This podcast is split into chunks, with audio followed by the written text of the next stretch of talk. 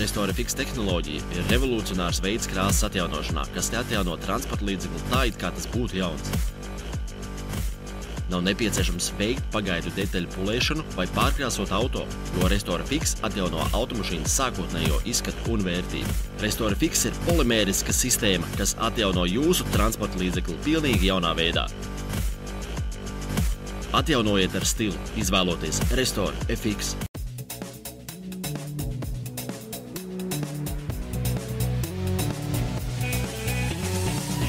F1 LV podkāsts. Sveiciens Formule 1 līdzjutējiem! Jaunā sezona ir sākusies jau vakar. Pirmā sacīks notika, notika tā sestdienā. Līdz ar to mums arī diezgan neierasts šis podkāsts sākas ar svētdienas rītu un vēlējām brokastīm. Bet mums bija ļoti salīdzinoši jāsaka īsa starpsezona, tāpat laikā ārkārtīgi ar aizraujošiem notikumiem piesātināta starpsezona. Bet FNCLV podkāsts nekur nav palicis. Piektā sezona, cik es skatos pēc cipara, un pirmā epizode. Un nekas nav mainījies arī studijā. Tāpat vecā mēbele Jānis man ir blakus. es jau gribēju kaut kā tevi pavilkt tādu. Ai, labi, malači, malači, paldies tev liels uh, par šo te, kā saka, titulu vai apzīmējumu. Nezinu, sauc kā gribi. Čau visiem! Sirsnīgs sveiciens visiem, kas mūs skatās. Man, man vienmēr ir prieks um, sajust to, ka mēs esam interesanti un, un, un, un mūs grib redzēt. Tas ir forši, tas ir patīkami. Tāpēc liels paldies jums visiem! Uh, es pat nezinu, ar ko lai sāktu. Tas ir vienkārši vājprāts, jo starpsezona jau bija pilnīgi. Un uh, neskatoties uz to, ka es jau arī Twitterī rakstīju, neskatoties to, ka nu, sacīks bija reāli garlaicīgi. Jo, ja mēs ņemam vērā to, ka tā bija pirmā atklāt, atklāšanas sacīks, pirmā nu, Es kā, kā, pas, kā nosaukt? Pirmā sezonas gonka, pirmo reizi formulas vēsturē, kur neizstājās neviena mašīna. Tad tāda statistika pat ir. Nu, tad, nu, tas nu, garlaicīgi. nu, īsāk sakot, bet, bet Neskatoties to, ka pati sacīks bija diezgan, nu, jāsaka, tā garlaicīga, es gandrīz jau iemīgu. Man, man sieva vienā brīdī modināja, kas ir normāla tradīcija. Tad e, ir par ko parunāt. Un Jā. ir tik daudz par ko parunāt. Es nezinu, vispār ārprāts. Man liekas, atklāšana arī vajadzēja divas stundas taisīt, tā kā mēs noslēgam taisam. Aiziet. Es nevaru vairs sagaidīt, baigi forši. Jā, pirms, pirms ķeramies klāt Formule 1 lietām, mums pāris uh, tādi jaunumi un uh, lietas, kas ir jāapkopja vēl pirms, uh, vēl pirms ķeramies klāt. Uh, vispirms vakardien bija pasākums. Jā, es jau oh, zinu. Jā, es skatījos bildes, es netiku, jā, bet. Uh, jā, malači. es arī netiku, bet uh, tiešām apmeklētība bija pamatīga. Iespaidīgi. Uh, tā tad F1 līdzstēja klubs uztaisīja pasākumu. Līrijas tur jau tradicionāli patiesībā notiek, skatījās mm. arī Gonku. Un man teica, ka ap simts cilvēkiem bijis. Man ir arī Ārpat, bilde, jā. ko jums parādīt. Lūk, kā tas izskatās. Es nezinu, vai var saskaitīt, ka ir simts, varbūt daži jau ir aizgājuši, jo laikam bilde pēc tam ir. Bilde bija pēc tam, es lasīju komentāru, ka bilde ir uztaisīta pēc tam par tiem, kas jau palikuši. Tā kā à, tur tā, bija daudz vairāk. Arī notinušies. Jā, jo es saprotu, ka jā. tur pēc tam notika arī šī Viktorija, nu, laikam uz Viktoriju nav visi palikuši. Tā kā mm. skatīšanās laikā bija vēl vairāk. Un šeit arī otra bilde, kur ir attiecīgi tā brigāde, kas to visu ir uzorganizējusi. Es pareizi saprotu, nu, jūs jau droši vien pazīstat šos cilvēkus, tie, kas apmeklē regulāri pasākumus, aktīvākie mūsu līdzstēji kluba kūrētāji arī šeit priekšplānā. Jā, Bet, nu, nu malači. Tagad gan ķeramies klāt, tēlosim ekspertus un mēģināsim kaut kādā veidā. Vēl vienu pieminēsim, no. jā, tad, tad, kā jūs redzat, mūsu jaunas svaigas maiciņas ļoti smaržo vēl, nu, pēc veikala. ļoti smaržīgs vēl. Jauns, Nē, jau jauns pēc manis. Tev jau viss jau, nāk, nu, Dievs, šos. ko tu darīsi visu sezonu? Tā tad, jā, nestoties uz to, ka mūsu šī raidījuma plakātā ir rakstīts, meklēsim, meklēsim vai meklējam interesanto, tad uh, mums vismaz nav jāmeklē sponsori. Tas ir forši. Tāpēc paldies. Bet mums varētu būt vēl viens sponsors. Jā, jā mums ir procesā. Nu, mums, mums ir procesā, jā, tas ir normāli, jo parasti ir bijuši divi, bet tagad ir ekskluzīvi. Pirmajā raidījumā ir ekskluzīvs Restaurē Fix. Tāpēc liels paldies Restaurē Fix par to, ka viņi mūs atbalsta. Un uh, bija laicīgi sarunāts, jau pagājušā gadā jau bija sarunāts šis, šis pasākums, viss tā kā baigi forši. Uh, Uh, par restorānu FX jūs varat noteikti ieiet vai nu Facebook vai Instagram, paskatīties viņu brīnumu darbus par to krāsu atjaunojošo vispār maģiju, ko viņi dara. Un, uh, jā, tā kā paldies! Restorāns būs ar mums visu sezonu, laižam tālāk. Jā, uh, nedaudz atkāpjamies atpakaļ un joprojām ar Formuli 1 nesākam, jo sāksim ar Formuli 2. Kāpēc jāpievērš šajā gadā ir uzmanība Formuli 2, jo tur brauc Igaunis Pols Ārons un nu jau brauc pilnu sezonu. Pagājušajā gadā viņš pēdējā posmā uzbrauca. Uh, Uh, kaut kur tur pa aizmuguri un, un mācījās, kas ir normāli pilnīgi patiesībā. Šogad patiesībā es esmu ļoti pārsteigts, cik labi ir aizgājis Polam Āronam. Tā situācija sprinta sacīkstē kvalifikācijā, labi, sāksim ar kvalifikāciju. Kvalifikācija viņš bija pa 14. pozīcijā, bet kvalifikācijā bija ārprātīgs haoss. Neaizmirstam, ka šogad ir jaunas formulas. Formulā 2 ir tā ēra beigusies. Nu, mm. Nu, viņiem parasti tās kaut kāds 7 gadi, 8 gadi, kad ir šī šasīda lara. Tagad tās mašīnas izstāsta pilnīgi savādāk mm. ar to arkas veidu aizmugurē antispānu, kas jā. ir superformulā Japānā. Mm kas nozīmē, ka tas piespiedu spēks ir krietni, krietni lielāks. Viņiem arī Ventūri tuneļi, nu tā ļoti vienkārši, protams, ir, mm. bet ir apakšā, kas ir doma, ka viņi iet nu, tuvāk Formule 1 virzienam, yeah. piespiedu spēku mm. līmeņiem. Uh, bet tā lieta ir tāda, ka debitantiem, tostarp arī tam debitantam, par ko mēs daudz runāsim, Formule 1 jā, sakarā, jā. Andrejā Kimija Antonelli. Debitantiem ir ļoti grūti Formulā 2 ieiet. Pirmkārt, ir milzīgi piespiedu spēku līmeņi, lai kādu soli tu spēr vai no Formula Regional vai no Formula 3. Otrkārt, Pirelli ir iepas, kas ir ārkārtīgi īpatnējs. Un tas mm. ir tas sagatavošanās process, ejot uz Formula 1. Un ar to mocīsies daudzi. Pilnīgi noteikti. Pirelli ir grūti, pārkožams rīkstiņš, un nu, tas ir arī iemesls, kāpēc ir prema tik zema. Jo prema tieši to pašu dara. Jauna šasija, nepazīstams riepas, un piloti, kas nav spējīgi uz savas pieredzes rēķina izvilkt mašīnas regulējumus. Nu, mm. Viņš puika pats neko nezina. Nu, kā viņš var komandai palīdzēt? Jā. Komandai būtu viņiem Jā. jāpalīdz, bet viņiem jauna mašīna, viņi arī vēl nezina. Mm. Tā kā paies laiks, paies ieskriešanās kaut kāds process, kas ātrāk ir iztūļāsies, tie sezonas sākumā gūs punktus. Es nezinu, vai tas ir iemesls Polam Āronam, bet baigais malacis. Sprintā viņš bija piektais un sacīkstē paņēma trešo vietu. Pirmais oh. gods piedestāls, turklāt startējot, kā es teicu, nu, viņam bija 14. pozīcija, viņš pacēlās uz 12. jo tur bija sodi kaut kādi. Un uh, sacīkstē bija tā, ka viņš vienīgajā boxa apmeklējumā, kas viņam ļoti labs bija, viņš saņēma 5 sekundžu sodu, jo viņam bija boxos pārsniegts ātrums. Mm. Un izskatījās, un tur tik biezs tas, tas viss pasākums bija, nu izskatījās, nu cauri, nu tur viņš nokritīs uz 7, 6 vietu, tur 5 sekundes. Un uh, viņš apzina 4 vietu, pacēlās uz 3 un līdz finišam 4 apli palika. Viņš tajos 4 apļos uzaudzēja 5, cik sekundes, un viņam līdz ar to palika trešā pozīcija. Okay. Tā kā fantastiski. Cik tālu bija pirmās divas vietas? Uh, otrā vieta bija ķerama, pirmā vieta uh, Zeins Melonī. Bija tālu, tālu. Viņš arī uzvarēja sprintu. Un kas ir interesanti, Zeins Melonī ir, mēs viņu pagājušajā gadā pieminējām, viņš ir tas uh, džeks, ko izspēra Red Bull. Mm -hmm. No savas akadēmijas, nu, nezinu, ko tagad Red Bull domā. Savukārt, Ārons ir tas džeks, ko nu, ne, izspēra, nav pareizais vārds, bet, bet uh, nu, pabīdīja nost vai izbīdīja pa durvīm ārā no mm. savas akadēmijas Mercedes. Mm. Tā kā varbūt tagad puiši saņemās, un tas, tas tā varētu notikt. Kad, kad parāda un pierāda sevi. Nu, tāpat arī sains. tāpat arī sains tieši tā. Kad tev muguru piespiest pie sienas, nu, tad tu skaidrs, ka jau viss, viss līdzekļus izmanto. Jā, jā, tieši tā. Tā. Uh, Nu, ķersimies laikam pie Formule 1. Un, uh, es nu, mēs esam visus jau, jā. jā. Visi ir izbēsījuši, ka no, neviens vārds no, par formulu nav, nav runāts. Uh, Jānis, došu tev vispirms vārdu parunāt, jo tu esi redzējis, ierakstīji jau par to, ka Formule 1 sacīs nu, bija samērā galēcīgi, bet uh, tad, kas tev bija tā lieta, kas tomēr tev nedaudz aizķērās un nedaudz vismaz kaut kāda veida intrigu ir iedavuši šis pirmais posms, līdz ar to mēs arī ar to tematu varētu pēc tam turpināt.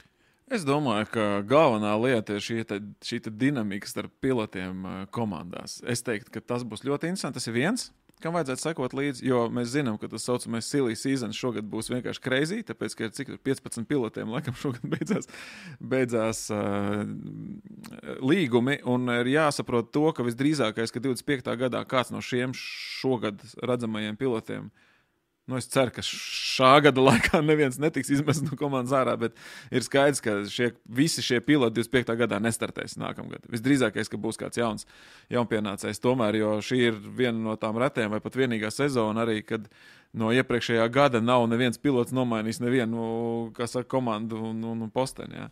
Tā kā, tā kā tādā ziņā tas ir viens, tā, tā dinamika starp pilotiem, jo mēs ļoti labi zinām, ka Hamiltons tur ir uztaisīja vienkārši vētru uz upes bļodā. Ja, un, um, un tur viss sāksies. Tas ir interesanti. Tā ir viena dinamika. Otra dinamika ir tāda, ka var redzēt, ka nu, mēs zinām ļoti labi, ka šo gadu, šī gada prototypu formulas faktiski ir um, iz, izveidotas tā, lai tās varētu vēl izmantot vai turpināt izmantot 25. gadā, jo ar 26. gadu nāk jaunie, jaunie regulējumi un attiecīgi šī, šis prototyps būs visdrīzākais pāries arī uz nākamo gadu pilnveidotā veidā. Ja? Un, tā tad, un es zinu, un es pirmssezonas testu skatījos un to tehniku pētīju un vispār, un ļoti daudz formulas, daudz komandas ir pārgājušas konceptuāli uz citiem risinājumiem.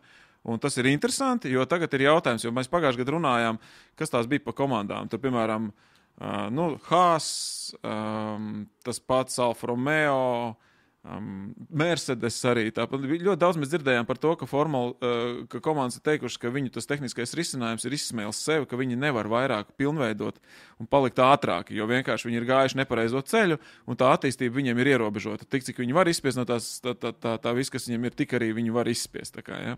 Un šogad viņi konceptuāli mainījuši.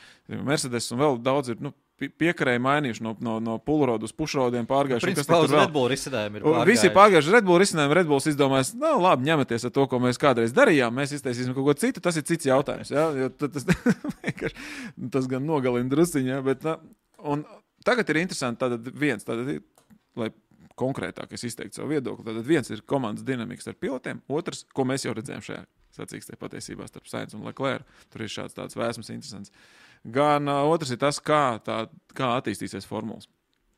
Vai kādam izdosies tāds lēciens, kā pagājušajā gadā izdevās Maklārēnam, ja, kur sākums bija pilnīgā vispār tur P un, un, un, un pēc tam aizgāja superīgi. Ja, tagad Maklārēnam ir labāks starts. Tā kā tur ir tās dinamikas ir ļoti, nu, un, protams, arī komandu vadītāji. Ja, ir jauna komandu vadītāja, ir jaunas situācijas, ir jauna nosaukuma un vispārējais. Tā kā sekot līdzi un interesēties par lietām, tur ir vienkārši nereāli daudz ko. Nu, jā, kā tev?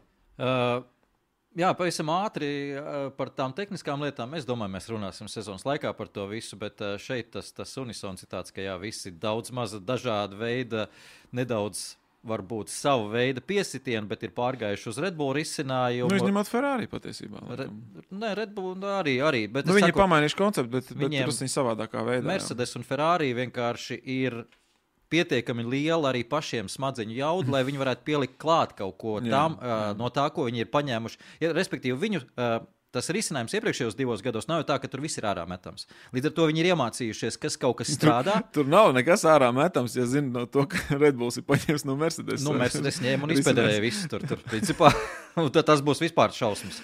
Jā. Bet tā tad viņi ir kaut ko iemācījušies, kas strādā, un to viņi ir sapratuši apgūši. Līdz ar to viņi paņem pamatā Redbull risinājumu un pieliek kaut kādas savas idejas, gan vecās, kas viņam strādājušas, gan jaunās klāt. Un tas ir tas interesantākais, man patīk no Mercedes. Es jau to stāstīju otrā podkāstā. Tur ļoti interesanti pāris risinājumi, savi jauni, mm. par ko jau FIA, nu, FIA nekas neatlika, kā viņiem atļaut to, bet uh, konkurenti tur, tur turpina kaut ko. Uh, tas ir pats par Ferrari. Un mēs arī redzam, kuras komandas ir vistuvāk. Redbull tās ir šīs komandas lielās, kā, kā tam arī vajadzētu būt. Uh, bet par tām intrigām es domāju vairāk tieši par sacīkstes laikā, par intrigām par katru komandu. Bet es redzu, arī te cilvēki raksta, ka nu, būs garlaicīga sezona par to Red Bull. Līdz ar to es domāju, ka tam ir vērsim jāķeras pie ragiem un jāsas, mm. jā, jāsaliek viss pa pozīcijām. Un pilnīgi skaidrs, ka mēs joprojām nevaram simtprocentīgi apgalvot nevienu ne otru virzienu. Viena lieta, kas man par Red Bull ir nedaudz tāda ne, ne pat biedējoša, bet tāda piesardzību raisa, ka ar kādu vieglumu Maks Verstapens aizbrauc no visiem pārējiem. Prom tas, ka viņš būs pirmajā vietā, nu, mēs to runājām ziemā. Piesardzīgi, nu, mēs to ļoti jau skaļi runājam pēc testiem. Nu, pārāk liels viņam tas bija. Līdz ar to, nu, uz ko jūs cerējāt, ja, ka jūs tagad esat kā no plaukta nokrituši? Nu, skaidrs, ka tā bija. Bet tā, tā, tā lieta, ar kādu viņš aizbrauc, ar to vieglumu, ar kādu viņš aizbrauc, tas bija, tas bija diezgan, nu, nu, nedaudz nepatīkami. tā tā okay. maigi, maigi izsakoties. Jā, bet labi. man ir labi cipari, starp citu, bet labi diezgan cipari, kas, kas varbūt parāda, ka nav nemaz tik slikta situācija. Mm. Respektīvi, viņš aizbēga 20 sekundes, mēs nezinām, cik viņam vēl bija rezervē. Pagājušajā gadā viņš aizbēga 10 vai 11. Uh, Pagājušajā okay. Pagājuš gadā viņš aizbēga krietni vairāk. Pagājušajā gadā viņš aizbēga krietni vairāk sekundes. À, viņš arī, to... Jā, tur jau tā lieta bija, ka Džampiero mm. Lambāzī viņam pagājušajā gadā teica, nomierinies, neskrien, tev nav Pareiz, nekur jāskrien, jā. tev nav jāatved visiem pārējiem minūte. Mm. Un, Līdz ar to šogad viņš to nedarīja, un Čampiero Lambazijas paklausījos arī rādio. Nevienā brīdī viņam neteica, nu, tā kā nomierinies piebremzē. Tas nozīmē, ka viņš neiebrauc nevienā brīdī tajā bīstamajā zonā, kur mm. Lambazija varētu sākt stresot. Tā kā tā, mm. tāda vēl pastāv, tas solis vēl pastāv. Uh, bet tā labā lieta, nu, salīdzinoši, ja mēs paņemam to statistiku, tad uh, Verstapena pārsvars pagājušajā gadā kvalifikācijā jau bija 0,3 sekundes mm -hmm. šeit, Bahreinā. Sacīkstē viņam bija tuvu 0,7 sekundēm pārsvars vienā aplī mm -hmm. pār tuvāko Neredbulu. Šogad kvalifikācijā, par to es vēl runāšu pēc tam, viņam nebija vispār pārsvars. Principā jā. viņš būtu zaudējis kvalifikācijā. Jā, tāpēc, ka Q2 ātrāks bija uh, Leklērs. Jā. Jā. Mm. Sacīkstē viņam bija pārsvars apmēram 0,5 sekundes, ja mēs mm. pieliekam, ka viņam bija labi rezervīti. Tā kā teorētiski tas pārsvars šogad ir mazāks nekā bija pagājušajā gadā, ja mēs tā skatāmies. Bet te vēl viena, kā vēlreiz atruna, ir, ka mēs nezinām, cik būtu izspiedis, ja būtu braucis uz maksimumu. Uh, taču te ir vēl viena lieta, ka neviens no pārējiem, kas bija aiz Verstapēna muguras, ne Pēters, ne Sainz, ne Leklērs, ne Rasels, ne Hamiltons, nevienu nu, minimāli no sacīkstes kopgaruma ir aizvadījuši brīvā trasē. Mm -hmm. Visi brauca trafikā, jeb satiksmē. Jā, jā. Visi brauc ar otru, viens ar otru berzējās. Berzējās, visi līdz ar to tas ietekmēja viņu ātrumu. Verstapens mm. izvirzījās līderpozīcijā. Nevienu brīdi viņam nebija netīrais gaiss, karstais jā. gaiss. Viņš varēja ideāli savas riepas, savu režīmu strādāt, visu pārējo.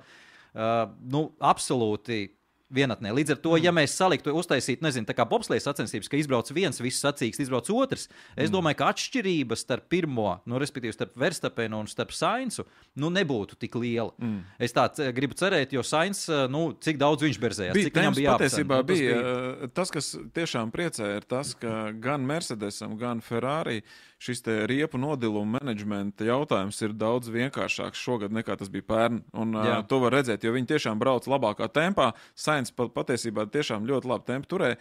Un, uh, tas nozīmē, ka viņi ir šo atrisinājuši. Tas atkal savukārt nozīmē, ka at, mainoties kaut kādām trasēm un apstākļiem, mēs varam sagaidīt ļoti interesantas cīņas vēl trasē. Tāpēc, ka nu, pat, pat Hāzs ir uzlabojis šo riepu dilumu jautājumu, kas pagājušajā nu, gadā vispār, vispār nogalināja. Jā, jā. Tā bija galvenā. Un, uh, nu, tā, tā kā, bet, uh, vēl joprojām neaizejot no tēmas. Arī par eh, Red Bull un par Red Bull dominanci. Es negribu, negribu to celt šo jautājumu vispār, kas Red Bullā iekšēji notiek, tur Hornera lieta un vispār, jo man bez tam lietām runājām. Es domāju, mēs bet, bet vajag at, atstāt to atmiņā, ka bieži vien spēcīgākās uh, spēcīgākos organizācijas komandas vai, vai, vai karapulks tiek, tiek sabojāts no iekšienes. Ja? Tā kā paskatīsimies, priecājamies tagad, kā ir, uztveram to faktu, kāds tas tagad ir, lai tas notiek. Un man te ir ātrs jautājums, kamēr es to neesmu aizmirsis. Es īsi pirms, man liekas, podkāstu lasīju, vai tiešām tā ir taisnība, ka Alpāna galvenais, tas tehniskais direktors Jep. ir uh, uzrakstījis atlūgumu. Ja? Mēs netikām vēl pie, pie Alpāna. Nē, nē, tad vienkārši, tad, tad, jā, ja jā. tu to zini, tad jā, forši jā. mēs to pieķersimies. Vienkārši es domāju, ja, ja, ja nu tu nebija pamanījis, tad. Uh. Ok, labi, laižam uh, tālāk. Noslēdzot Red Bull tēmu, un šeit vēl viens tāds tehniska lieta, kas mazu cerības stariņu iedod, ka varbūt nav tik traki ar to mm. Red Bull, un ka tas mainīsies no trases uz trasi arī. Tas Jā. ir jāņem vērā. Ir tas, ka piek, nu, piekdiena, tagad nepareizi jāsaka, ceturtdiena, tā mm. sanāk treniņi. Uh, Red Bulls bija diezgan bēdīgā situācijā. Protams, viņi bija piegriezuši, un uh, savu dzinēju par to nav runa, par ātrāko apli nav runa, bet uh, bēdīgā situācijā tieši ar regulējumiem. Uh, un problēma bija tā, ka ir ļoti vējains, un šogad tas vējš izskatās to jauno konceptu Red Bull ietekmē diezgan būtiski. Mm tieši šķērsvēji, tātad negluži varbūt tie, kas pakaļ iepūš un pretī, bet tam ir arī tāds diezgan loģisks izskaidrojums, jo tā komanda vai tā mašīna, pareizāk sakot, tā mašīna, kura ir ar vislielāko tieši aerodinamikas piespiedu spēku, nevis mehānisko gripte, bet aerodinamisko piespiedu spēku.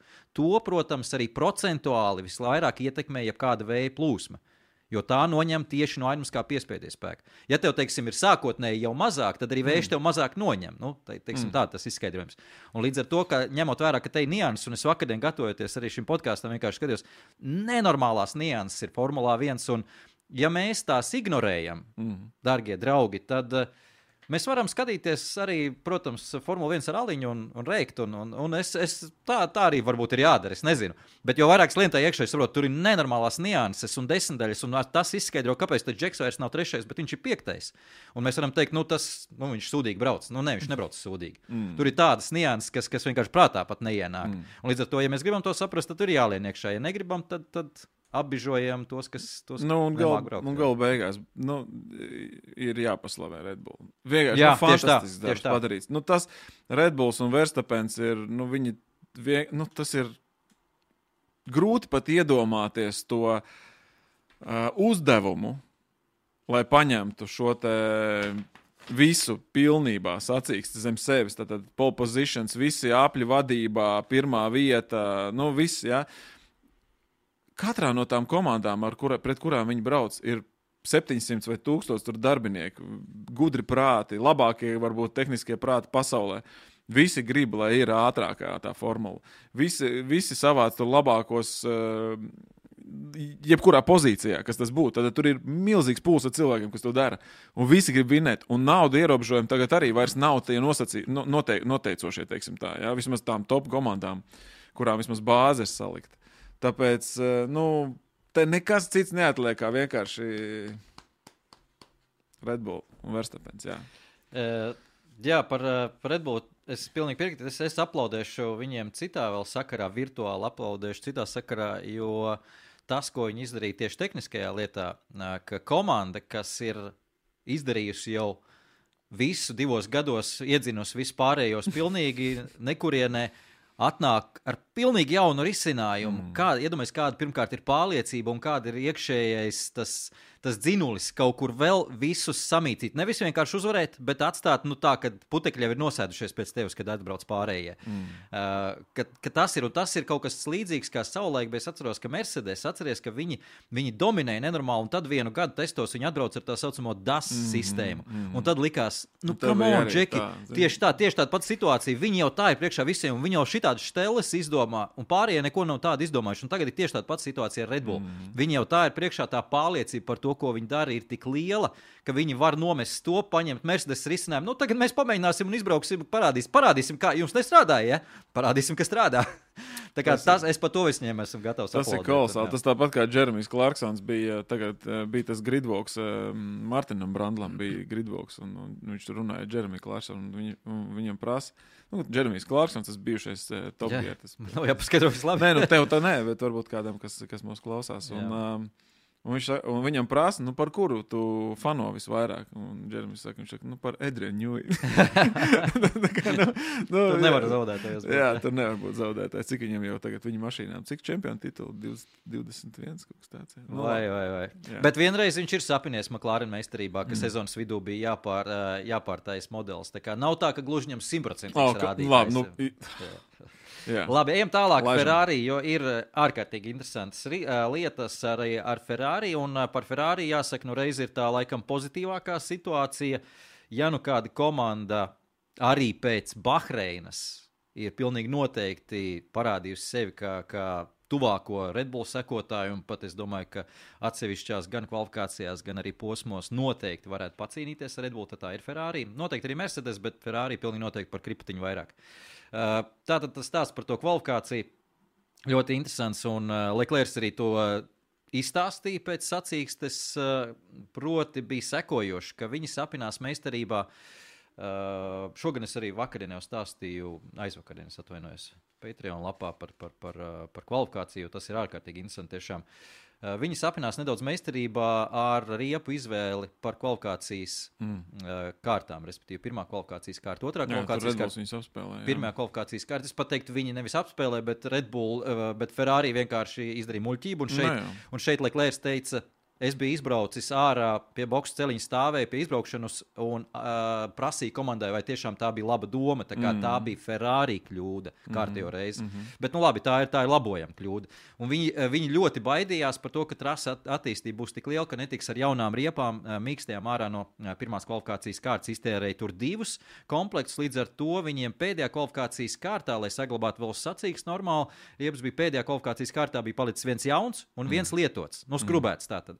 Un problēma šeit ir tāda, ka viņš pirmo izbrauca ar skrubēto, to lietotām uh, riepām, Jā. un uh, tā jau nav problēma pati par sevi. Jo otrādi uzrāda labāko laiku. Mm. Bet problēma ir tāda, ka visa mašīna nedaudz pirmkārt uzvedās savādāk ar tām lietotām riepām. Un šeit sākās tās nianses, par ko es teicu. Tas ir nenormālās nianses. Mm. Katrā līkumā pilots jūt nedaudz, ka tu, tu, tu vislabāk to pateiksi, ka tā riepa nedaudz tev savādāk atdevi dod par to mm. līkumu.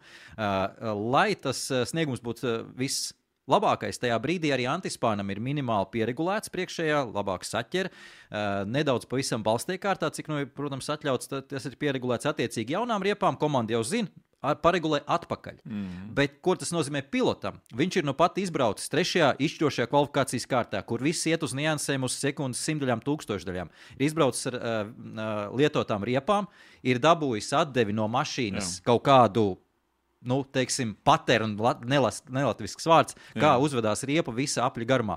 Viņš tagad uzliek jaunas riepas, viņam pamaina regulējums, bet viņam nav laika kaut viens aplis pierast pie tā. Jā. Viņam uzreiz jāmauc, un tās ir tās sīkās. Un viņš arī iesildošo apli nevar maukt, tāpēc viņam vēl baterija jāsalādē.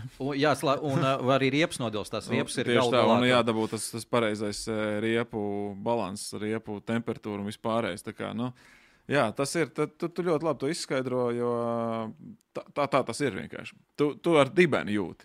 Vai tu vari tur vēl ātrāk, vai tu nevari, vai tur jau būs pāri. Tieši tā. Un tu nedrīkst pāri, jo mēs redzam, ka tikko, kad vairākiem tas bija gan Botasam kvalifikācijā, gan uh, Džordžam Raselam, bija, ka pēdējā līkumā drusciņš, drusciņš aizmugurē izslīd pa daudz, gatavs, viss viņš ir pazaudējis laiku. Un balansēt uz tās robežas, uh, un paņemt maksimumu vai drusciņu vairāk par maksimumu no riepas, bet nepārkāpt pāri limitam. Nu, tev vajag tomēr vismaz kādu apli, lai tas dibens tev, tev pierod pie tās. Tā kā tas ir normāli, absolūti. Jā, nu, un pārējie attiecīgi varēja tajā pirmajā aplī tieši tā, kad uzstājas, pirmkārt ieliek, ieliek uh, jau to pirmo rezultātu, un otrkārt dabūt to pirmo jutienu, mm. un tad jau uz tā pabūvē vēl bišķiņu, bišķiņu klāt, vēl vienu desmitdaļu, vēl simtdaļiņu tur un tas saplis ir. Un Leclerc bija pilnīgi pārliecināts, ka viņš pārspētu, un uh, tam ir pamats, jo, kā mēs sākumā teicām, viņš bija 14, skatījos, pierakstīja 14. Tūkstošdaļas viņš pat savā otrajā kvalifikācijas kārtā bija ātrāks par Verstapena polu laiku. Jā. Tā kā trase attīstījās, vēl mm. trase vēl gāja uz priekšu, tātad labāk palika saķera, labāk palika temperatūras labākas. Un, uh, kā, ir pamats cerēt, ka viņš būtu paņēmis polu. Paturam to prātā. Uh, Otra lieta, kas sākās, pa ko ļoti daudz prasīja, kas notika ar Leclercu sacīkstē, mm. nepārtraukti bloķēja riteņus. Tās ir bija problēmas ar bremzēm, turklāt viņa gadījumā krietni, krietni lielākas problēmas vienā pusē ar vienu bremzi, otra nedaudz mazāk. Kā viņš pats teica, vienu brīdi viņam uz displeja rādījās, ka vienas puses bremžu temperatūra ir pa 100 grādiem augstāka nekā otrā pusē. Mm. Tad viņš nerunā par maksimālo, bet par 100 grādiem lielāka otrā. Un tā ir milzīga atšķirība tajā brīdī, kad tu bremzē. Nu, tev mašīna uzreiz, tāpēc arī viņš bloķēja vienu riteni nepārtraukti, jo viens bremzējās savādāk nekā otrs. Kā viņš pats teica, viņš pierod pie tā, tad vienā apli laikā viņš pieregulē savu bremzēšanas punktu, balansu saliek brauc nākamajā reizē, nākamajā līkumā, un jau situācija mainījusies. Atkal mm. tā bremze jau ir aizgājusi savādāk, un atkal citu pavisam situāciju viņš atkal nobloķē. Mm. Uh, problēma izauga no tā, ka uh, bremžu gaisa savācēji bija par maz gaisa savācēji. Mm. Uh, Tas viss, protams, ir uz aerodinamiku, jo uztaisīs mazāk gaisa savācēji, vairāk gaisa paliek aerodinamikai. Tur vēl milisekundīte kaut kāda ir klāta. Un, nu, Ferrari šeit aizšauš ķērsām, bet nu, pamatojums ir tāds, ka nu, nevienā brīdī testos un arī treniņos nebrauc uh, Leclerc desmit apļus aiz kāda cita. Mm. Aiz karstā gaisa, ko es teicu arī pirms tam. Verstapēns aizbrauc no visiem, viņam ir smuks, tīrs, svaigs gaiss. Jā. Visiem pārējiem ir turbulence, ir karstais gaiss, un tieši tas pats bija ar, ar Mercedes, uz ko mēs pāriesim. Jā, un nu, gala beigās es eh, no pilota puses varu pateikt vienu, ka ja, uh, laikam nav nekas vairāk izsitošs tevi no ritma, kā neusticēšanās bremzēm. Tev var tur neiet motors, druskuļi vēl kaut ko, tu vari kaut ko tur kompensēt. Vēl. Ja tev nav pilnīgas pārliecības par bremžu pedāli, tavs kāršnamiņš baigs sabrūk. Un tas, kā īstenībā Leclerc to nokompensēja un nobrauca, nu, cepur no. Nu, tā viņiem arī jābūt. Viņiem miljonus par to maksā gala beigās. Bet uh, ir jāsaprot, ka uh, te ir ne tikai tā bremžu balanss, jo pat, pat mūsu sacensībās, nu, ja man, es jūtu, ka man nav bremzes zem, zem, zem, mm. zem kājas, viss, nu, gatav, es, nu, tas ir. Tur ir tur pilnībā savādāk jāpāriet, viss vis tā, tā braukšana jāpārorientē un tā tālāk. Un, uh, Un, bet te jārunā par to, ka pie bremzēšanas cik ir tie, tie, tie G, ja, cik ir tā pārslodze vēl. Un, ja pie tās pārslodzes, pie tās super nenormālās bremzēšanas tev ir disbalans, kurš tev vēl jānokompensē, Nu, jūs pat varbūt nevarat iedomāties, kas tas vispār ir par darbiņu. Tur ir vēl viena lieta, jo Formula 1 bremzes eh, ir jāspiež ar nenormālāko spēku, Jā. ar nenormālāko. Mm. Ir eh, pat testi, ja nemaldos, bija, kad ieliek eh, atlētu, kaut kādu vieglu atlētu. Un, viņš nevar pat 70% nevar, nospiest. Viņš nevar nospiest bremzi, un līdz ar to te nav runa. Nu, tātad viņš pirmkārt liek nu, ritīgi grīdā, mm. ja to bremzi, mm. lai nospiestu, un tad viņam ir jāspēj izbalansēt. Tā kā iepriekšējā reizē bija šī mazāk nekā. Un, nu, tas ir vienkārši. Es nesaprotu, kā to var izdarīt. Tas, tā, tas jā, nu, tāpēc, kosmos, tāpēc viņi arī ir tur un mēs esam šeit. jā. Uh, vēl viena lieta par Ferrari. Uh, Tu teici, Sainz pēc sacīkstes. Mm. Ja mēs esam šeit, proti, uz goda piedestāla viņa gadījumā, tad, tad viņš tā viņš stāstīja. Ja mēs esam šeit, šajā trasē, kur uh, Ferrari pirmkārt nav īsti piemērota, otrkārt, kur ir tik ļoti liels uzsvars uz aizmugurējo riteņa asi, ka tā ir tā ir trase ar to abrazivitāti, kas noēta aizmugurējo kreiso riepu vispirms, bet nu nav starpība uz aizmugurējo asi, kas mums ļoti nepiemērota. Un ja mēs esam uz godu piedestālu un esam tik tālu no Red Bull, tas man vieš cerības. Uh, tas, ka Džordžs Asels visu laiku dziedāja tik ļoti pesimistisku dziesmu, man, man izbēsīja, godīgi sakot, piedod, ja, bet uh, Tur viņš nav ko atvainoties. Viņš tiešām dziedāja. Visu laiku tā, ka Verstapens būs citā līgā, citā galaktikā. Nu, visi pārējie kaut ko vismaz saka, pat Lando Norris, kur bija McLaren, nekur mm. nebija. Ja, bet pat viņš teica, šī nav mūsu trasā aizmirstam, un mm. kopumā izskatās baigi labi. Pēc tam būs ātrie līkumi, kur viņš saka, jā. Viņi iebrauc punktos ap divus, salīdzinot ar pagājušo gadu. Tas ir viens. Otrs ir tas, ka tas no Ferrari puses atkal neatslābta baigi no Mercedes. Jo jā. Mercedes neparādīja šo, šajā sacensībā visu savu potenciālu noteikti. Tā kā tas ir vēl baigi interesanti. Tas, tas, viss, vēl, tas viss vēl būs. Un, um, tāpēc neuztraucamies. Tiešām neuztraucamies. Galu beigās arī nevarēja gaidīt, manuprāt, nevarēja gaidīt nekādus baigos pārsteigumus trasē, kurā bija visi testi, un pēc tam vēl mēs tur uzreiz arī braucam. Nu, visi bija saregulējušies, visi bija, nu, bija pietiekami daudz, kam, kam sagatavoties. Tomēr, jā, nu, nebija gatavi tur kaut kādai tādai lietai, kā tu minēji, par to, ka desmit aplis vai vairāk sako tuvu citai mašīnai, un tāds cits nianses. Bet kopumā bija skaidrs, ka šī būs tāda, nu, nosacīta, stabila. Mm. Uh, sacīksta, kur baigos pārsteigums jau neradīs. Nu, Pastīsimies, kas būs tālāk. Nākamā trasa ir pavisam savādāk. Jā, tas ko, tas, ko es minēju par, par to uzsvaru uz aizmugurējo asi, protams, tas, tas uzreiz ietekmē ļoti arī šo kompromisu meklēšanu starp kvalifikāciju un sacīkstu. Un faktiski tas noteica visu nedēļas nogali, mm. ko darīja komandas. Komandas kopš pirmā treniņa meklēja to zelta vidusceļu, kā noregulēt mašīnu starp aizmugurējo un priekšējo riteņa asi, lai sacīkstē nenodaldētu aizmugurējās riepas pārlieku ātri, bet tāpat laikā, lai neaiziet pārāk ļoti tajā saucamajā understeer grāvī, ka ir uzsvars uz aizmugurējo riteņa asi un ka tā priekša negriežas īsti iekšā, bet nu, vismaz aizmugurēji stabila. Eh, bet līdz ar to kvalifikācijā tas ir ļoti sitev nenormāls sit, ka tu nevari uzrādīt ātru apli, ka tā priekšā negriežas. Tad vajag to savukārt kārtīgi, kārtīgi asu priekšējo riteņa asi. Mm. Un, uh, tas līdzsvars pilnīgi skaidrs, ka dažiem aizgāja šķērsām. Par to mēs vēl runāsim. Par Mercedes konkrēti šajā gadījumā viņi aizbrauca šķērsām, ar to tur bija citi iemesli, vēl klāt papildus tam visam. Bet tā bija tā lieta, ko visas komandas meklēja un meklēja to vidusceļu. Un, uh, Red Bull, atcerieties, pagājušo gadu viņi vienmēr bija kvalifikācijā nedaudz, nedaudz ķerami, mm -hmm. teiksim tā. Nu, ķerami un arī bieži tika noķerti. Atcerieties, cik poli bija. bija seši kaut kādi poli. Ferrari, bija, jā. Jā. Uh, savukārt, sacīkstē viņi bija nu, diezgan pārāki. Tas Jā. nozīmē, ka viņi ļoti spēlē uz to, ka viņi liek uz to sacīkšu režīmu. Mm -hmm. un, un šeit bija tieši tas pats, un tāpēc, tāpēc arī ir tas pārsvars lielais. Un pārējās komandas netrāpīja tik labi tajā, tajā kompromisā. Bet uh, vairākas jau, nu, lielākā daļa komandu ir ņēmuši, pa, piemēram, Red Bull pagājušo gadu, un tomēr koncentrējas vairāk tieši uz šo sacīkšu tempu nekā uz kvalifikāciju. Kas ir, protams, prātīgi. Nu, atkal tad attiecīgi jāatzīmē, ka Redbulls atkal ir soli pret priekšā visiem un bija jau pagājušajā gadā un aizpagājušajā gadā. Tā kā jā, ne, negribu pārāk pārslavēt Redbull. Man vienmēr pārmet eh, vai, vai aizrāda, ka, un es vienmēr esmu teicis, ka es neesmu beigais Redbull fans. Jā, bet, nu, ja dara ideāli darbiņu, nu, tad ir jāpaslavē, tur neko nedarīt. Uh, par Mercedes iesim runāt par Mercedes. Tagad. Iesim? Iesim kaut kur. Iesim, iesim. Es pārslēdzu pārslēdz ekrāns. Tāpēc, jā, tāpēc tas nošļauts lejā. Guļ. Aldis aizvien es? zemāk un zemāk zem galda. jā, viss labi. Es esmu čiliņā. labi, ļoti labi, ļoti labi. Tā arī jābūt. Jā. Labi, Mercedes. Mercedes bišķiņ vilšanās, protams, par Mercedes kopumā, bet vismaz zinām iemeslus. Zinām iemeslus, kas ir pa problēmu, kas pa vainu. Uh, Mercedes arī tieši to pašu, ko es teicu, meklē to kompromisu, meklē tos risinājumus, un ko viņi izdarīja uz kvalifikāciju. Sāksim ar to, ka uh, treniņos viņi bija pirmajās divās pozīcijās. Atcerieties, otrajā treniņā, kas ir reprezentatīvs priekš, uh, pietiekami ātrums viņiem jā, bija. Tāds, tur bija kvalifikācijas simulācijas. Jā. Pēc treniņiem Viņi aizgāja, turklāt Džordžs Rasels ar Luisu Hamiltonu, krietni tajos regulējumos, tātad uz sacīkstu. Mašīna tika pārregulēta uz sacīkstu, lai, treš, lai trešajā treniņā jau to strādātu uz sacīkstu regulējumiem, jau ar tiem jauniem, jauniem regulējumiem. Un, uh, Hamiltons aizgāja krietni vairāk tajā grāvī. Šeit mm. viņi katrs savā virzienā, nu, ne virzienā, bet nu, atšķirīgi tie mērogi bija. Kā tas tika darīts līdz ar to kvalifikācijā, Hamiltons zemāk, eh, Rasels augstāk. Tas kaut ko izskaidro, bet kur tā problēma bija?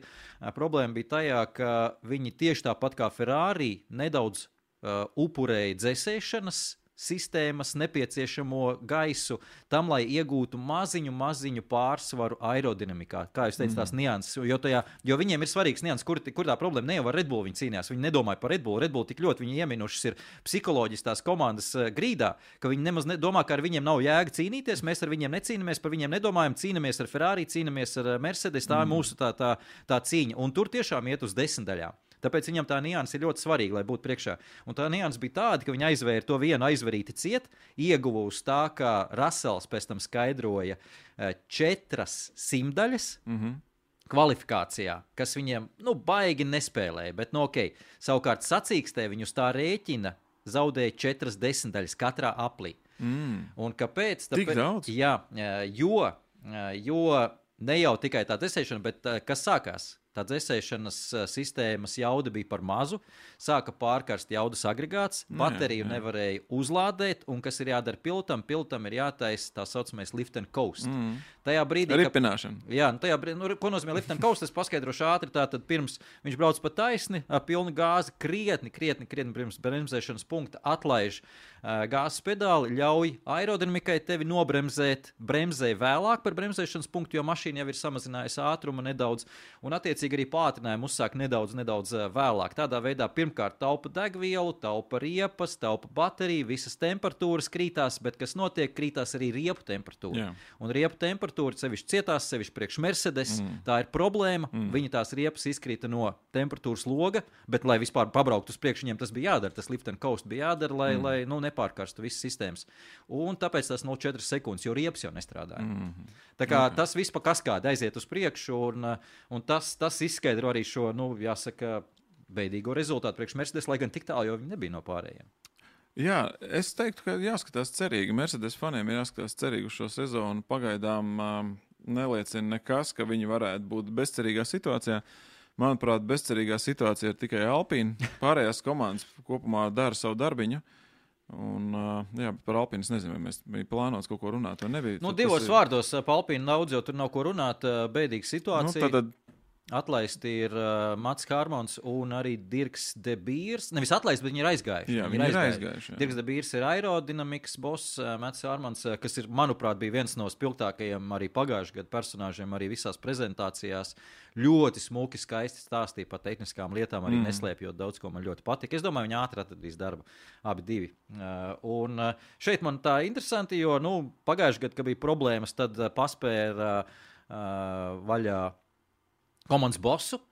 Tagad komandas boss ir francūzis, kas ir šīs kompānijas ļoti sens, sens tieši dzinēja kompānijas darbinieks. Viņš arī Drive to Survive tur gozējās pa priekšu. Mm -hmm. uh, un, nu, kāda tur politika? Droši vien, ka politika, jo tad jau vajadzēja spērt vaļā vadītāju, ko te jūs ne, nepieturaties pie saviem principiem, jo, nu, nu nezinu. Tā kā. Nu, tajā, tā, tā komanda man drusciņi, nu, drusciņi uztrauc tā, tā komanda man uztrauc, jo tā ir tomēr rūpnīcas komanda. Tur... Bet atkal jau mēs nezinām. Lietas pagājušajā gadā Maklārens sāka arī ar pēdējām, Jā. faktiski starta vietām un pamā, pamainīja vai pagriez to balīti pavisam pa 180 grādiem. Un Otro nogriezienu brauc faktiski stabilas piedestāliem. Tā kā redzēsim, nu, protams, Alpīna tā tik, tik rožaini nespīd, jo viņiem ir problēmas gan ar lieko svaru tai formulai, gan arī ar dzinēju jaudu pret citiem dzinējiem. Maklārenam tomēr ir Mercedes dzinējs. Tā kā, bet kas to lai zina? Novēlam, lai tomēr viņi pievelkās klāt. Jo pagaidām ir tā baigi interesanti.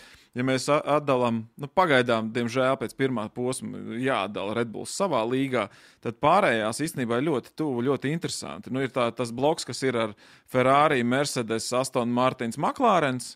Tās tagad ir tādas eh, četras eh, tādas komandas. Nu, tad pirmā, faktiski, punktos iebraukt ir ļoti grūti pārējiem visiem. Tās, mm. tās komandas, kas ir iebraucis faktiski visos punktos, bet tas, tas pārējais ešalons zemākais, kas Jā. ir, viņi ļoti interesanti. Jo tur uh, tas vīza keša, bla, bla, bla, R, nu, RB, RB, RB. Jā, uh, viņi var izšaut jebkuru, jebkurā trasē. Tur es domāju, ka būs interesanti. Jā.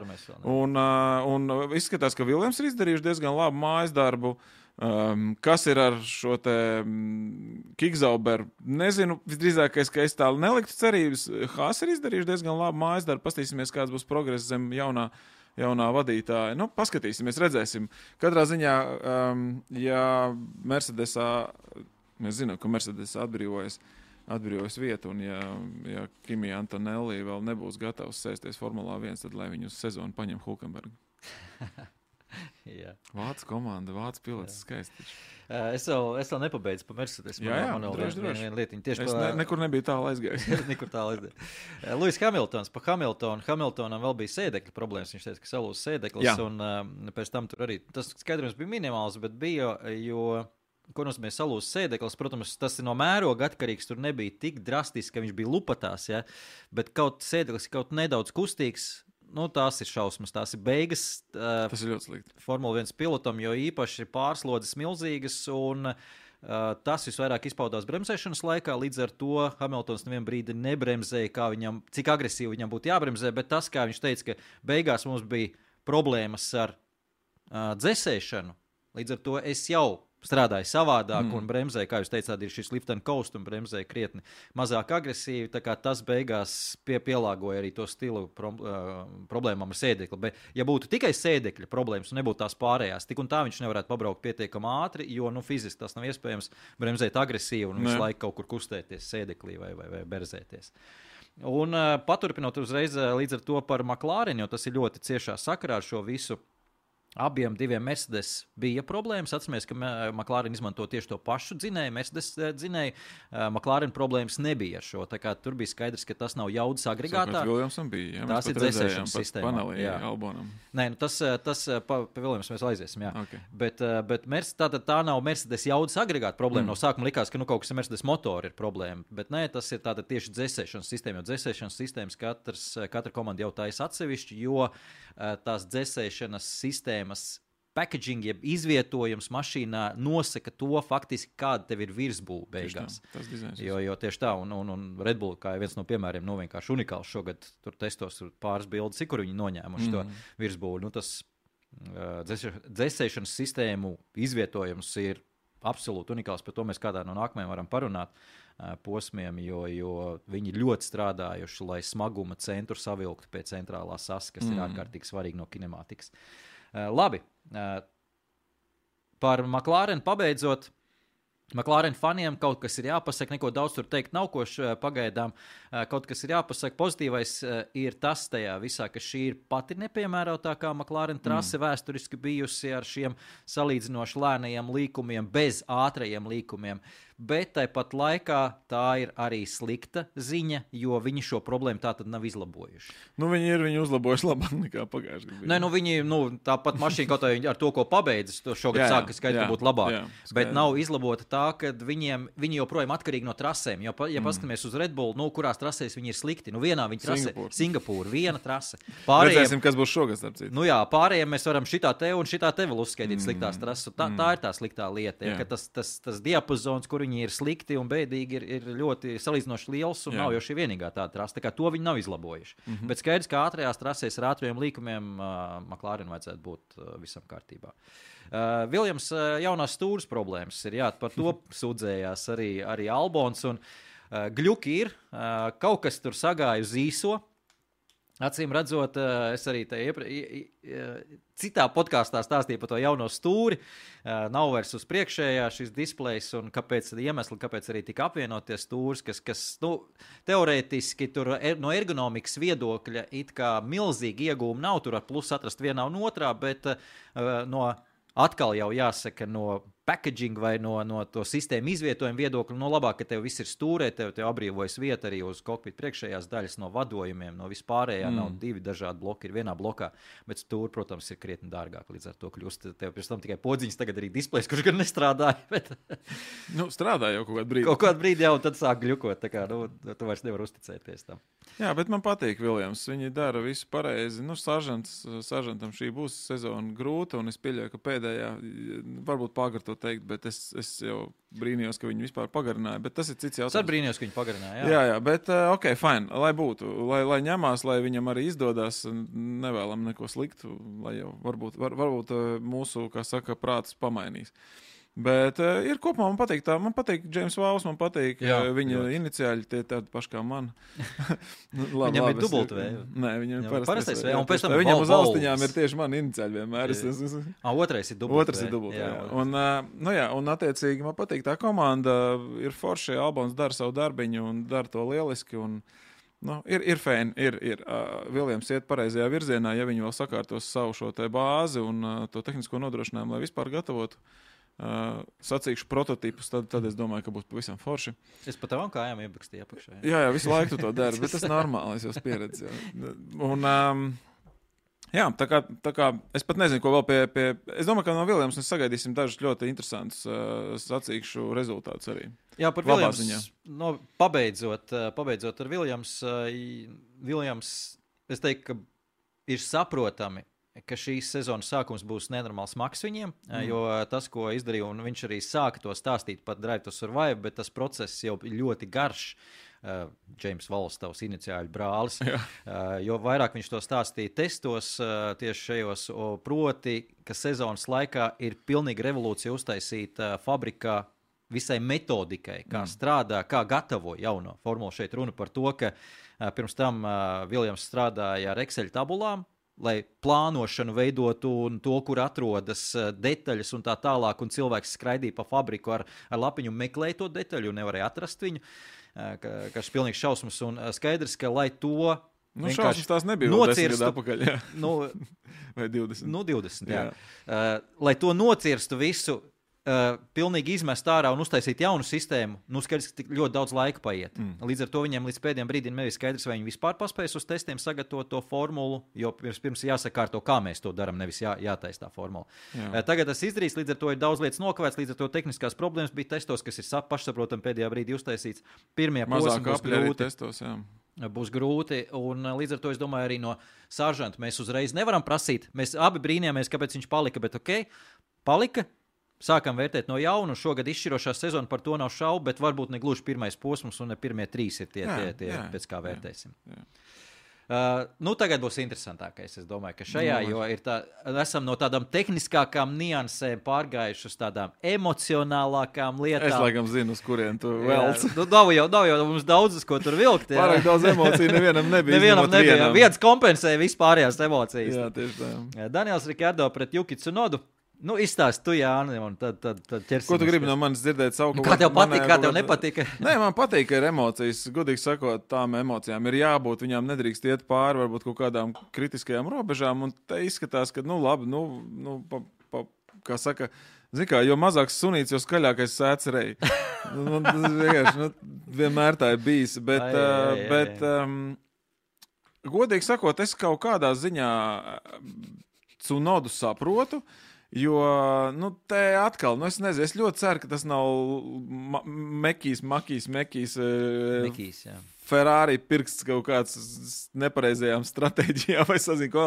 Nu, mm, nē, skaties, nē. labi, skaties. Tu vari man nepiekrist, un mums nevajag sakrist viedokļiem. Mans viedoklis bija tāds, ka Pirmkārt, ja viņi gribēja mainīt uh, mašīnas, vajadzēja mainīt ātrāk viņas savā starpā. Pozīcijā, tāpēc, ka jā. pozīcijā mainīt, tāpēc, ka uh, soft riepai, mīkstai riepai vajadzīgs. Ir. Bet Katrs viņi prasīja ātrāk, viņš nelaida. Nu, tas ir, tas ir Tad vajadzēja vēl ātrāk, varbūt prasīt. Bet Nezinu, viņš jau nebija piebraucis. Bet, um, kā viņš piebrauca, viņa prasīja, bet viņš nu nelaida. Kā, nu kā, Tur jau nevar ātrāk nu, paprasīt, kamēr viņš ir piebraucis.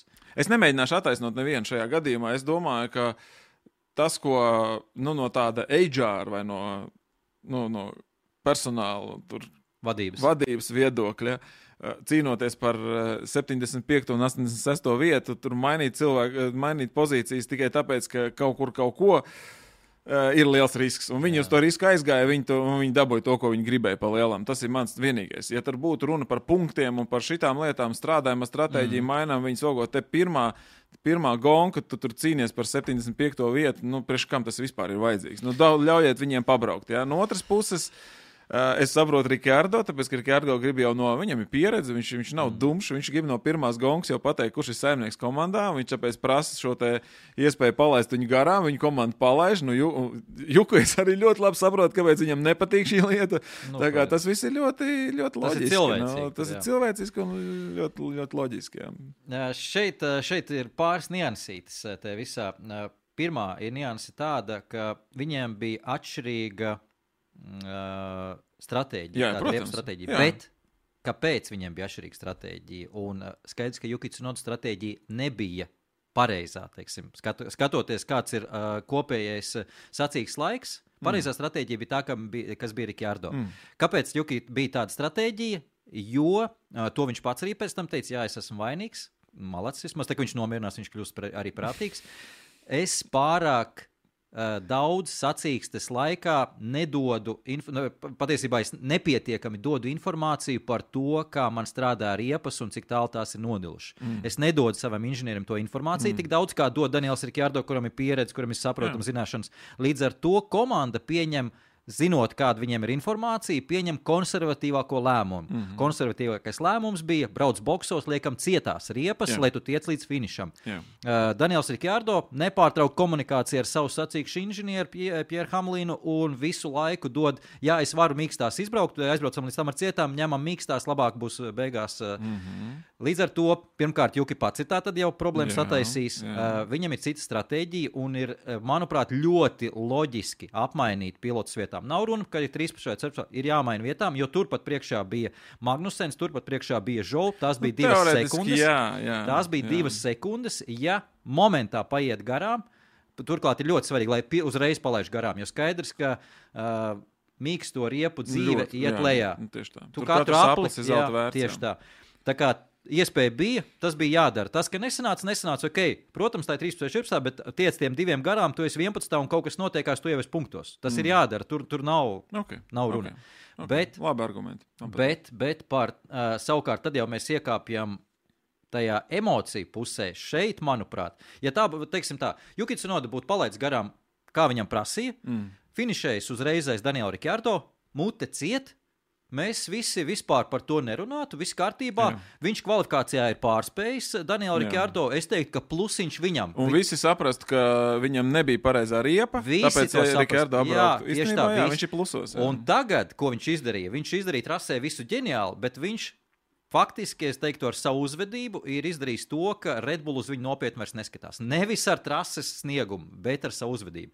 Kāpēc Redbull vajag kaut kādu lecīgu džeku, kurš tā runā ar komandu, kā viņš mm. runāja pirmkārt? Mm. Uh, visi tie izgājieni, ko viņš teica, o, paldies, ko jūs man te dāvaniņai iedavāt. Un pēc tam vēl viss kaut kādā, jā, paldies, whatever, jā, viņam pasaka, mm. kur vieta, whatever. Un tad vēl pieliekam klāt, ko viņš uztaisīja bremzēšanas aplī, gandrīz mm. ietes uh, Danielam Rikārdo. Nu, priekš kam tādu lecīgu džeku vai Redbullam. Nu, Kurš vēl pie tam nedod informāciju par riepu? Nu, tā ir niansīta, ko, tā ir niansīta, ko viņš var, ko viņš var teiksim, nu, izaugt vēl. Ja? Jā, jā. Bet tas pārējais līdz ar to, te gan, te gan tavs arguments par to 13. un 14. vietu, ko viņi cīnījās, ir spēkā. Jo, Džekiņ, nu, ko tu lecies, tā ir 13. un 14. vieta, un mm. tagad tās dēļ, ka tu zaudēji no, 14, no 13. uz 14. Tu esi sačakarējis principā ar savu lekšanos savu karjeru. Palielam es gribētu pat tā teikt, nu, nu neņems viņu Red Bull. Nu, skaidrs, ka neņems. Ja viņš 4. gadā joprojām nav izaudzis no tām emocijām bērnu, un uh, es domāju, ka mājās skatījās uh, Toro Rosso boss. Uh, vecais, kā nu bija, Frans Tosts. No, tos. Un es domāju, ka viņš vienkārši spēra zemes gaisā aiz niknuma par šito. Nu, es taču tev, Juki, esmu stāstījis, ka tā nevar darīt. Nu, nu, mācīs, es cik gadus, un viņš pirmajā pirmajā reizē šo izdarīt. Tas, tas, ir, tas ir traki. traks. Tā kā, tā kā šeit es domāju, ka būtu darījis visu un viss kārtībā būtu neviens. Jo komanda iekšienē taču zina, ko Juki ir spējīgs. Nu, jā, nu, vi, ka, vi, komanda nu, neskatītos. Nobrauc, nu. Tieši tā. Komanda nestītos, ej, tu tur bija 14, viņš bija 13, viss to ir sliktāks. Nu, tā neskatā, mm. tā viņi datus zina. Bet to, ka šito redz visu pasauli un redz, redz Red Bull, redz Horners, labi, Horner tur citu lietu. Bet uh, redz visi un, un tas ļoti nesmuki izskatās. Mm. Jā, es tev piekrītu. Uh, vienīgā lieta no komandas Es ļoti, es nezinu. Viņiem nav ko izvēlēties. Viens, kurš nemāķi uzvesties, un otrs ir lēnāks par to, kurš nemāķi uzvesties. nu, tur, tur, tur jāskatās, jā. Bet, bet šis pirmais posms parādīja līdz ar to, kā es arī redzēju Twitterī, ka būs baigi interesantā sezona. Būs interesanti. Vis, nu, noteikti būs. Noteikti būs interesanti. Jo Daniels Rikārdo Smuki arī teica, viņam, viņš piegāja tajā F1 TV, viņam tieši uzlikt to klipiņu, un, un Daniels Rikārdo teica, es nekomentēšu. Nu, tas ir Juki viņš nomierināsies un būs viss labi. tā ka, nu, tā, ka nu, ļoti tā kā, Vecāka, nu, kā vecākais brālis. Jā, negribas teikt, kā teica, bet kā vecākais brālis. Nu, būs viss kārtībā. Tur izsprāgās. Ja paturēs galvas, tas tur tā, tā, būs labi. Būs labi. nu, apmēram tā jau arī būs. Nu, bet, tā jau arī ir. Ne? Atceries, mēs viņu salīdzinājām ar to, to čaku. Čak, čak, jā, jā čakīs. Čakī, čak, nu, tu, tu, tu ritīs čakīs. Nu, tā, tā. Nu, tā ir. Jā. Nu, kas ir forši? Nu, emocijām vajag būt, viss ir kārtībā. Nu, nu, jā, pāršaukt kādreiz pār strīdu, bet ne jau viņš vienīgais tā ir izdarījis. Jā, es, es nepabeidzu par to. Um, RB komandas mm. uh, Lorāns Mekijas. Es, es ļoti ceru, ka Viņš savukārt komandā šo ir sarunājis, jo citreiz var tā situācija būt vēl asāka un nopietnāka. Proti, ja tu, kā tas ir Alpīna, kas, kas faktiski ar gadu gadiem viņiem tāds likums ir iekšējais rakstīts, nerakstīts, nezinu, ka ja tu palaidi savu komandas biedru garām, kurš ir citā stratēģijā, ātrāks tajā brīdī, tad, ja nekas nesanāk viņam, tad tu palaidi atpakaļ. Mm. Un tā bija, tas, tā bija tā lieta, par ko sprēgāja arī Juki, ka izgāja no. no... Yeah. Bet vai komanda to ir sarunājusi? Mm. Te ir tas jautājums. Varbūt Juki yeah. savā prātā iedomājas, ka viņam tagad jālaiž garām, bet ja komanda no kā Daniels Rikārdo to zina, nu, no. lai viss. No. Ja ir, ja ir sarunājis un viņš nelaida, nu, tad te var būt jautājumi jau Rikārdo par to. Tā kā viss pārējais ir bēdīgi par, par Jukicu nodu. Šī ir vienīgā lieta, ko mēs īsti nezinām, bet te ir jautājums komandai. Jā, piekrītu. Varbūt mēs varam parunāt par Sainz. Vai tev bija kaut kas cits plānā? Nē, man, man lielie punkti ir izsmelti, ir daudz ļoti maziņie punkti. Lūdzu, par sainsu aiziet. Nē, nu man arī nav nekas baigs sagatavots par sainsu. Vienkārši tas, ka ir ļoti interesanti šī dinamika tagad būs starp šiem pilotiem. Skaidrs, ka šis posms, kā jau mēs ar tevi izrunājām, sīk un smalku saistībā ar šīs te tehniskās ķibeles, kas bija Leclerc formulē, uh, Paskatīsimies, kā būs tālāk. Acīm redzami, acīm redzami Science formulē šādas tehniskas ķibeles nebija, vai bija, bija minimāli mazāk. Jā, mazāk. Jā, līdz ar to tas, protams, uzreiz ļoti dra drastiski maina to, to potenciālu. Viena lieta nebija mazāk arī, bet es negribu ticēt, ka tas, ko darīja Science, uh, tik ļoti izglāba to situāciju, bet viņš arī ļoti interesantu lietu pateica, kā viņš ar to ir mēģinājis tikt galā un arī tika galā. Uh, tajā brīdī, kad sākās, nu, jau uz displeja rādās tās te temperatūras, mm. viņš braucot aiz uh, kāda aizmugurē. Mm. Izbrauc pa pusītei, un vienā aplī viņš izbrauc uz vienu pusi, vienu pusi padzesē, redz, kad aiziet temperatūra lejā, izbrauc otrā uz otru pusi padzesē. Nu, es nezinu, vai Leclerc to tiešām neizdomāja, tāpēc tik drastiski viņam bija. Bet Sainz ir mums pierādījis, ka nu, viņam nu, viņš ir pierādījis, strādā. jā, bet viņam, viņš ir ļoti gudrs, inteliģents pilots. Man nav atbildi par to, ka, respektīvi, vai jau kopš dzimšanas tās problēmas bija lielākas Leclercam, mm. vai Leclercam viņas bija lielākas, jo viņš nemācīja kā Sainz, viņš pašā sākumā jau nedaudz piebrīd. Man tādas atbildes tā, nav. Man arī nav. Jā. Bet, bet, bet uh, tas būtu interesanti uzzināt. Jā, jā, tas, jā, būtu, jā. tas būtu ļoti interesanti. Un gan jau, ka Ferrari tehniski tiks ar šo jautājumu galā, jo tas ir acīm redzams acīm redzami redzams. Līdz ar to, to nav grūti varbūt, uh, varbūt arī ar to tikt galā. Jā. Cerēsim, ka tā tas ir. Katrā ziņā tā dinamika starp šiem pilotiem būs ļoti interesanta. Man ļoti patīk Sainz arī agresivitāte uz apdzīšanām. Uh, tāda mērena agresivitāte, aprēķināta agresivitāte bez liekiem riskiem. Nu, bija tas viens tas divebombu gadījums, bija, bija, bija simpātisks. Man tas patika, tāds uh, vecā Daniela Rikārdo stilā. Uh, Bet uh, kopumā ir labi. Man patīk, Sainsam nav tā kā liela spiediena. Nu, viņam ir spiediens no tā viedokļa, ka viņi, nu, uz viņu skatās no tā komandas, viņam jāparāda sevi. Jā bet tāpat laikā, teiksim, komandas iekšienē atkal viņam spiediena nav. Līdz ar to viņš var koncentrēties tiešām uz savu uzdevumu un, un, un darīt tā savu lietu, tā pa savam varbūt. Jā, tas cik, būs cik tas ir iespējams. Jā? Ferrari komandas iekšienē iedomājies, ka Sainsam nav, nav uh, nu īsti viņu vairs nesta, nestaista tās stīgas, kas viņu saistīja pagājušā sezonā kā Ferrari pilotu. Jā. Un šobrīd tās stīgas visas ir apgaizītas, un viņš ir brīvs kā putns. Tas nozīmē, nu, ka Leclercam būs grūtāk dzīvot. Jā, nekā... būs grūtāk dzīvot. Ferrari būs grūtāk vieglāk, un Leklēram mm. būs grūtāk. Jo no ar Sainzu rēķināties var tik daudz, cik viņam saprāt robežu. Nu, teiksim, Jā. jau kādā brīdī ieslēgsies egoisms, neko viņam nevarēs pārmest. Tas absolūti. ir viens, un otrs ir tas, ka tagad ļoti atkarīgs no tā, cik, kā viņam iesa punktiem. Jā. Ja viņš to pirmo sezonas sākumu sāks tā, ka viņš ir priekšā Leklēram pēc punktiem, un viņš sajūtīs to garšu, ka viņš varbūt nezina, varbūt kopvērtējumi tur trīniekā vai kaut kā tam līdzīga, nu tad būs uzredzēšana. Ferrari būs viegli. Pavisam ātri par Peresu nesam viņu pieminējuši. Peres eh, otrā vietā, un tā ir tā vieta, Un tā ir tā lieta, kas ir jādara Persam. Tā ir tā vieta, ko Red Bull gaida no Peresa. Mm. Uh, tas, ka varbūt nedaudz pat tālu kvalifikācijā, maz drusciņi, bet, bet nu, šobrīd neviens neko nepārmet Peresam. Un, ja, ir, ja mēs skatāmies to trīnieku, tad Peres, Cunoda un Rikārdo jau uz to Peresa vietu, kas tēmē uz Red Bull otrā pilota vietu, tad es teiktu, ka pēc pirmā posma ir 1-0-0. Peresa labā, viss ir kārtībā, un mums jautājums pagaidām par to nav atklāts. Jā, bet Peresam būs grūti šogad, tāpēc ka pagājušajā gada ar divām desmitdaļām aiz Verstapenu pilnībā pietikt, lai tu būtu tu droši otrais, un šogad var tas nepietikt. Tāpēc viņam ir jābūt tuvāk, un, un tad jau redzēs, kā būs. Jā, e, jā par ko mēs vēl nepanākam, vēl viena minūte ir palikusi Ei. manā ātri sarakstiņā, kas Vairs mums ir tā Alpīna, Alpīna ir. Mēs izrunājām, par to mēs izrunājām, Leklēri izrunājām. Nu, par Astonu esam runājuši ļoti daudz par Astonu. Es varu pavisam vienā teikumā pateikt, ka uh, salīdzinoši ar šo vadošo komandu grupu Aston uh, progress tieši ziemas laikā nav bijis pietiekams. Mm. Tas ir tas, kur viņi zaudētāji. Ne jau, ka viņi ir atkal šķērsām to pašu modeli uztaisījuši. Visi modeļi ir gājuši priekšā. Paskatāmies, pagājušā gada laiku pusotru sekundi mēs vedām pagājušā gada modeļiem. Arī astoņas ved savam pagājušā gada modelim, ko viņi kāp uz godu piedestālu. Bet viņu tas, tas progress no pagājušā gada ir salīdzinoši mazāks. Mm. Un te būs tas jautājums par viņiem, kā viņi progresēs sezonas laikā. Pagājušajā gadā viņi parādīja, ka so-so. Tagad ir jāparāda, ka viņi ir mācījušies no kļūdām. Kā, Jā, tur, nu, tur atkal ir atkarīgs no tā modeļa kā tāds. Viņš arī konceptuāli diezgan stipri izmainīts. Līdz ar to, kāda ir tā attīstības griezti šim konkrētam konceptam, to mēs redzēsim sezonas laikā. Paldies! Jāni, tev! Uz viena viļņa vienkārši pa sekundi norāvām, pagāja. Norāvām. Paldies, un mēs būsim arī svētdien, nākamā svētdien. Tā kā neaizmirstiet, tad, tad daži brīnījās, ka nav pirmdien, pirmdien būsim visu pārējo sezonu, bet mums ir svētdiena, neaizmirstam, jo sestdienā ir sacīks. Tā kā tiekamies tieši pēc nedēļas, šitajā pašā laikā, atkal tā būs svētdiena, atkal Rīga būs tukša. Es biju šodien pārsteigts, ka iebrauc Rīgā. Baigi labi, mierīgi var atbraukt. Jā. Tā kā tā. Restore Fix tehnoloģija ir revolucionārs veids krāsas atjaunošanā, kas atjauno transporta līdzekli tā, it kā tas būtu jauns.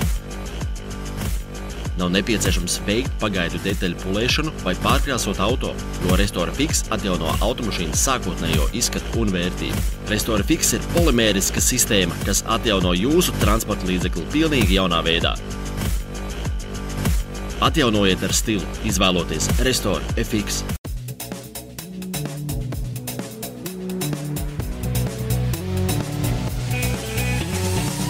F1 LV podkāsts.